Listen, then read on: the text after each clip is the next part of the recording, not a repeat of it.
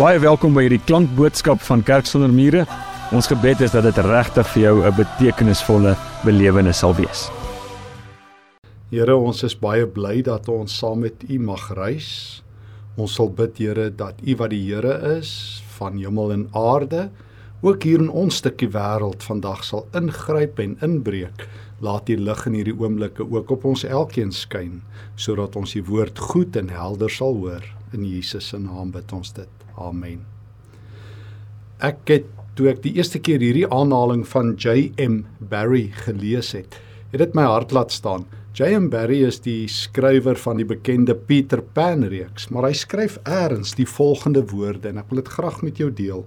Hy sê the life of every man is a diary, which he means to write one story and then writes another and his humblest hour is when he compares the volume as it is with what he vowed to make it. In Afrikaans, die lewe van elke mens is soos 'n dagboek. En jy beplan om een storie te skryf en dan uiteindelik skryf jy met jou lewe 'n totaal ander storie. Hy sê in jou mees skokkende, mees vernederendste uur is wanneer jy die twee stories vergelyk. Dit wat jy met jou lewe wou maak en dit wat jou lewe uitgedraai het om te wees. Dit is so dat meeste mense se lewe wanneer hulle dit beplan gaan om dit ver te bring, suksesvol te wees. Ek herinner my in 'n stukkie navorsing wat die Barna groep, die bekende Barna groep in die VSA gedoen het onder Christene, waar hulle selfs vir jong Christene gevra het wat wil hulle met hulle lewens maak? En die meeste ouens het gesê voor ouderdom 30 wil hulle suksesvol wees maar dan het hulle sukses omskryf in wêreldse terme. Dan wil ek al die dinge hê, die staf van consumerism hê. Dan wil ek geld hê en die regte kar hê en die regte adres hê. Nie een van daardie jong Christene wat ondervra is, het gesê op ouderdom 30 wil hulle 'n lewe leef waarmee God tevrede is nie. Maar kom ek wees eerlik, ek is ook nie so groot gemaak nie. Ek het ook maar gehoor ek moet dit ver bring. Ek moet iets agter my naam hê. En mense in my wêreld en dalk in jou wêreld ook is maar gemeet aan aan uiterlike dinge, aan prestasies, aan prestasiemetings, aan hoe dik jou CV is, wat jy al in die lewe sogenaamd bereik het. Maar hoe lyk 'n goed geleefde lewe vir God? Wanneer gaan ek en jy as gelowiges by die punt kom dat ons sal sê die doel van my lewe is om 'n lewe te leef waarmee die lewende Here tevrede is? A life well lived is a life that pleases God, sê een Engelse skrywer. Hoe kry ons dit reg? Bly jy het gevra? Joshua help ons hiermee. Ons het in die Bybel 'n paar keer 'n oorsig oor 'n paar gelowiges se hele lewe van geboorte tot sterwe. So loop ons die aardsvaders raak. Um ons ken Jakob se lewe. Ons ken Josef se hele lewe. Maar ons is ook op hoogte met die lewe van Joshua, die opvolger van Moses.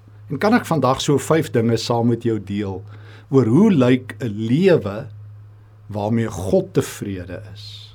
'n lewe waar jy as te ware 'n lewensverhaal skrywe en uitlewe wat die Here se oog vang, wat hom trots maak en wat hom groot tevredenheid bring.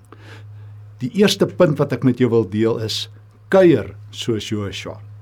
Nou as ek die woord kuier gebruik, as ek sê die manne het gekuier, dan gaan al die rooi ligte aan, dan sê die ons o, tyd, watter soort kuier was dit? Ons identifiseer of assosieer kuier gewoonlik met 'n bietjie uitspattigheid, met 'n bietjie uh, partytjie, met 'n bietjie rowwe dinge. Maar dalk nie. Luister 'n bietjie wat vertel Eksodus 33 vir ons oor Joshua. Dit vertel die verhaal hoe Moses die tent van ontmoeting moes bou en dan het hy daar God gaan raadpleeg Ek lees in Eksodus 33 vers 7. Moses het 'n tent gevat en dit ver buite die kamp gaan opslaan. Hy het dit die tent van ontmoeting genoem. Elkeen wat na die wil van die Here wou vra, het na die tent van ontmoeting buite die kamp gegaan. En nou hoor ons hoe die Here hier met Moses praat en hoe die hele volk dan luister. En as dit nou klaar, as die Here nou klaar met Moses gepraat het, Daarna lees ek in vers 11 is Moses terug na die kamp toe.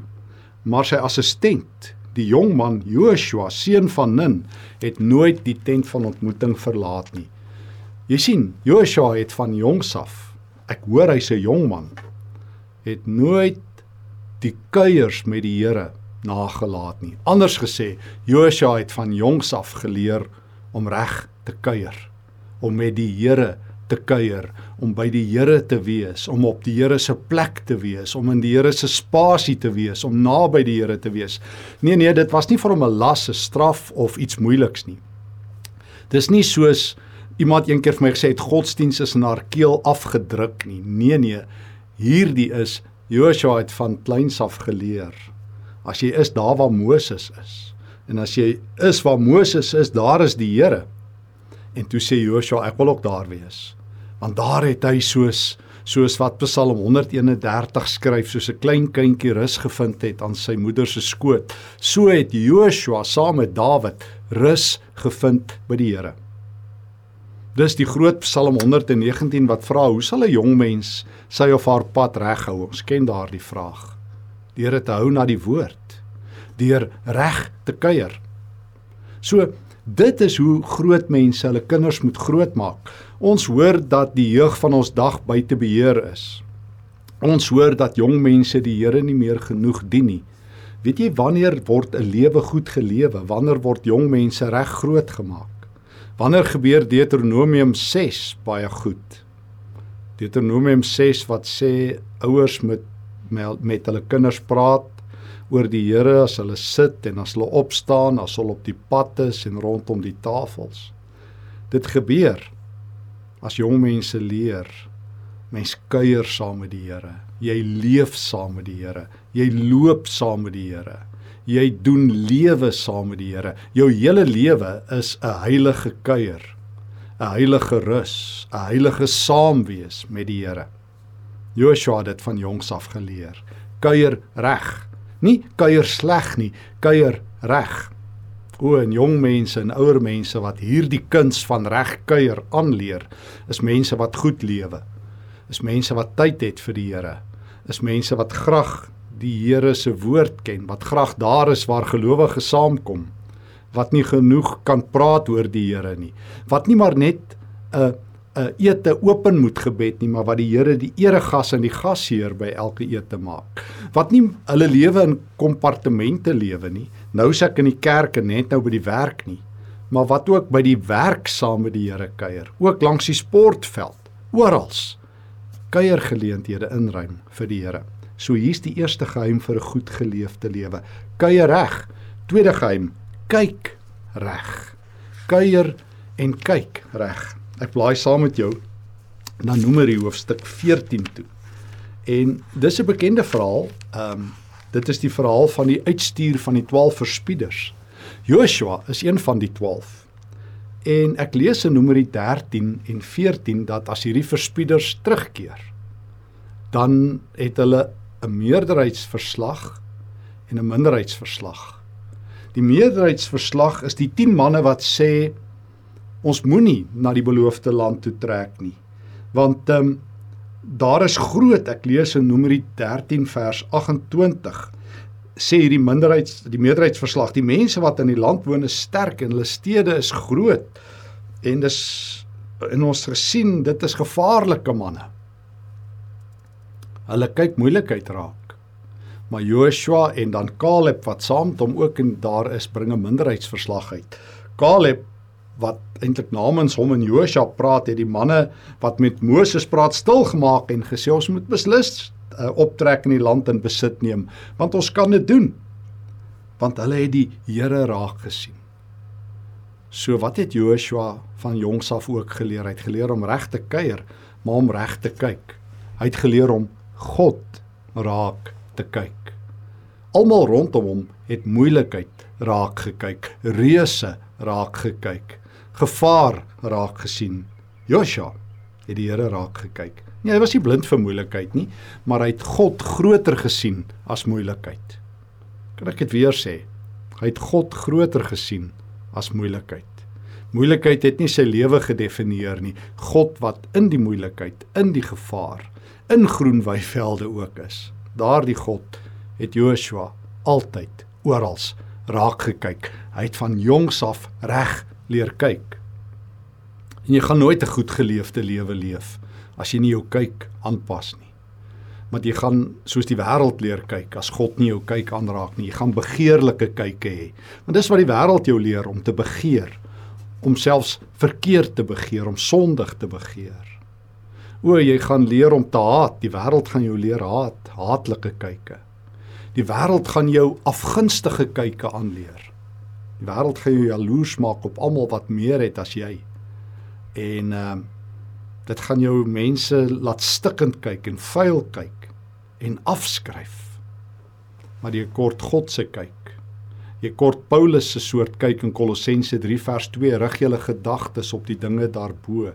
Rig jou kyk op die Here.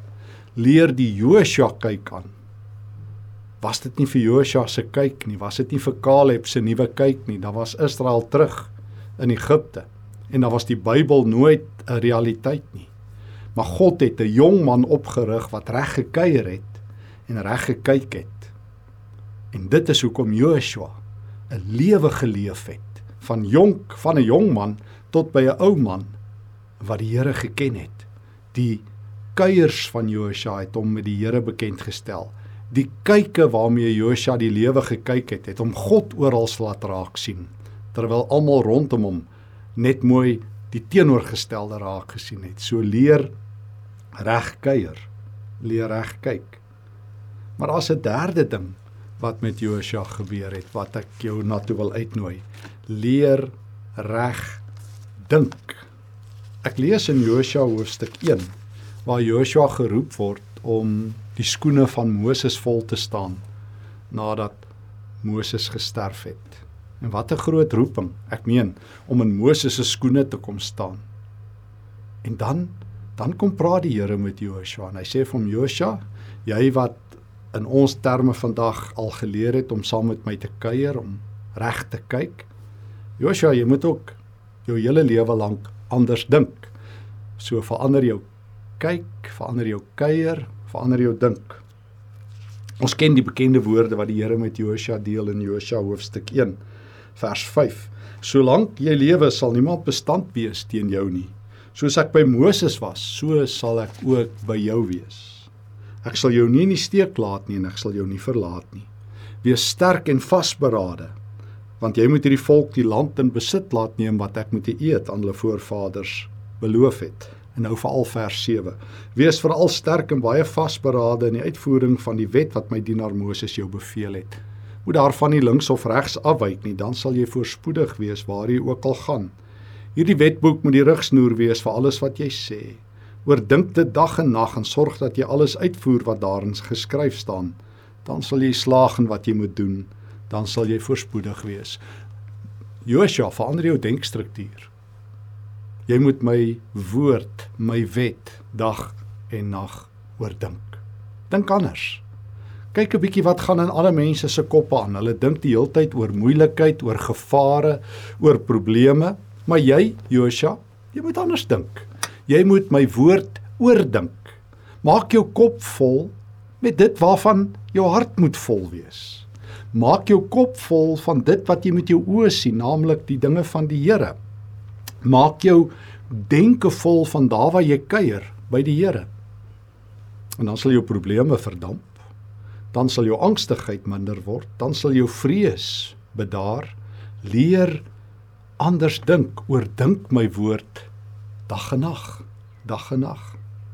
Psalm 1 sê dieselfde, dit gaan goed met die mens wat die Here se woord dag en nag oordink, wat 'n nuwe denkstruktuur ontwikkel het. So, so kuier anderster soos Joshua. Kyk anderster soos Joshua. Dink anderster soos Joshua. En nou die vraag, waarvan is jou kop vol?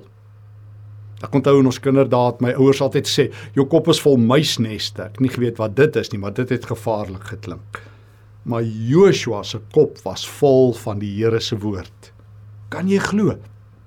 Paulus waarsku die gemeente in Efese in hoofstuk 4 dat hulle nie soos heidene moet leef nie. Hulle denke is leeg en en is vol nonsens en dit irriteer God wat nie gelowiges dink.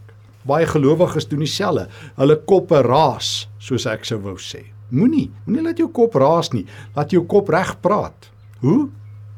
Eet die woord, lees die woord, oordink die woord. Raak 'n Bybelboekbaas, raak 'n Bybelboekbaas. Moenie agter hierdie verskoning wegkruip van duisende Christene wat altyd sê, jy weet ek ken mos nou nie eintlik die Bybel nie. Nonsens. As jy die lewe ken, as jy rugby ken, as jy sport ken, dan moet jy die Bybel ook kan ken. Raak 'n woord van God waas en oordink dit dag en nag. Josua het die regte kuier, hy het die regte kyk. Hy het die regte kop vol van die Here se denke. En dan dan het Josua ook die regte manier van wys. Hy wys vir ander mense, hy die regte wys, die regte rigtingsnoer. Josua 3. Wanneer Josua dan moet begin om die Here se volk in die beloofde land in te lei. Lees ek in Josua 3 vers 7 hoe die Here vir Josua sê: "Toe sê die Here vir Josua: Ek begin vandag om vir jou hoë aansien te gee in die oë van Israel sodat hulle kan weet ek is by jou soos ek by Moses was. Sê nou vir die priesters wat die verbondsark dra dat hulle by die Jordaan moet gaan staan wanneer hulle by die waterkant kom. Joshua toe vir die Israeliete gaan sê kom nader, luister na die woorde van die Here julle God. Daarna sê hy hieraan sal julle weet dat die lewende God tussen julle is en wat daarop volg. En dan sien ons hoe Joshua die volk ehm um, deur die Jordaan vat en toe die ehm um, water toe hulle in die Jordaan ingaan letterlik afgesny is en hoe die volk toe droogvoets deur die Jordaan gestap het. Joshua wys die pad van die Here vir ander mense. Joshua het met ander woorde die regte kuier, die regte kyk, hy het die regte kop, hy dink anderster en hy het ook die regte wys. Hy modelleer Hy wys vir ander mense hoe lyk geloof in lewende lywe. Hy laat die volk trek in die naam van die Here. Hy praat nie net nie, hy doen. Dit is die groot uitdaging van geloof om om as te ware 'n lewende brief te wees. Paulus sê dit. Hy sê in 2 Korintiërs 3: Ons is lewende briewe wat deur Christus en die Gees geskryf is. Mense lees ons. Ons is die eerste Bybel elke dag. Ons is elke dag op straat. Ons is die vars nuus uit die hemel, jy en ek in lewende lywe. J.M. Barrie was bekommerd dat meeste mense se lewensverhaal nooit klop met dit wat hulle geïdealiseer het oor hulle lewe nie. Dit is nie te laat om 'n beter teks te skryf nie. Dit is nie te laat om anderster te kuier, anderster te kyk, 'n anderster kop te hê en om vir mense dan 'n padwyser te wees nie. Dit is Jesus wat gesê het. Onthou jy in Matteus 5 daarvan af vers 13 tot 16 waar hy sê ons is sout en lig waar hy gesê het laat julle lig dan so voor die mense skyn dat hulle God sien. Laat julle lig so skyn dat hulle God sien. Ek herinner my aan uh die groot eh, prediker Spurgeon. Daar was ook 'n baie bekende ander prediker in dieselfde tyd in Engeland, Carmichael. En hulle vertel van iemand wat um, eendag uit die platteland gekom het van Engeland en hy op die Sondag um, die oggend en die aand het hy onderskeidelik Spurgeon en Carmichael se preke bygewoon en toe hy teruggaan na sy dorpie toe, toe vra iemand vir hom: "Hoe was dit om die twee beroemde predikers daar in Londen aan te hoor?" Toe sê hy Toe antwoord hy sê you know uh Dr Carmichael is a wonderful preacher but Dr Spurgeon has a wonderful God. Jy die verskil gehoor. Die een ou is maar net 'n baie goeie prediker, maar jy kon in Spurgeon se lewe sien dat hy God liefhet. Hy het vir ander mense die pad na God toe gewys. Wees 'n weerkaatser van God, 'n wegwyser, 'n padwyser sodat mense Jesus kan sien deur jou woorde, jou dade, jou gebede, deur die uitdeel van koue water, deur omgee, deur mense se laste op jou skouers te tel, deur armes te versorg, deur vir mense te bid, deur te getuig. Leef die lewe van Jesus. Dit is 'n goed geleefde lewe. Kuier, kyk, kop, wys. Daar's nog iets wat Josua reg gekry het. Hy het reg gepraat, hy het reg bely. Die bekende Josua 24 wanneer ons by Josua se laaste aardse optrede kom op ouderdom 110. In Eksodus 33 het ons by 'n jong man aangesluit. In Josua 24 is ons by 'n ou man, Josua. En hy staan voor die hele volk en hy preek vir die laaste keer. En die volk is nie eintlik lus om te doen wat die Here sê nie. Dis duidelik uit die teks dat hulle is nie van plan om die Here te dien nie. En minstens 13 keer is hulle besig om vir Josua te probeer oortuig hulle sal die Here dien. En dan dan Josua miskien sy heel grootste woorde vir heel laaste op ouderdom 110. Hy sê as julle dit nie goed vind om die Here te dien nie, Josua 24 vers 15, kies dan vandag wie julle wil dien. Die gode wat julle voorvaders gedien het ander kant die Efraat of die gode wat die Amorite van die Amorite in wie se land julle bly? Wat my en my familie betref, ons sal die Here dien. Op 110 sal ek die Here dien, sê Josua. Hy het nie meer nodig gehad om dit te sê nie. Sy lewe was die testimonie, die getuienis dat hy die Here dien. Maar op 110 het Joshua die Here gedien. Joshua se lewe het vertel, sy belydenis het vertel. O, Joshua het nie net gekuier en gekyk en 'n ander kop gehad en vir ander mense gewys nie. Hy het 'n belydenis gehad. Hy was nie bang om te sê nie. Dis wat Paulus sê in Romeine 1 vers 16, ek skaam my nie oor die evangelie nie. Dis 'n krag van God tot redding vir elkeen wat glo. En hy herinner Timoteus in 2 Timoteus hoofstuk 1 daarvan af vers 6 tot 8. Timoteus, moenie bang wees nie. Ons het nie 'n gees van vreesagtigheid nie. Ons het die gees van die Here van krag en liefde en selfbeheersing. En Jesus het gesê in Handelinge 1 vers 8 as die Gees kom, dan sal hy ons sy getuies maak. En hier staan Josua op 110 as 'n kragtige getuie vir die Here. As iemand wat 'n pragtige lewe vir die Here geleef het, wat as 'n jong man geleer het om reg te kuier. Toe hy in sy jong volwassenheid was, geleer het om reg te kyk om die Here oral raak te sien.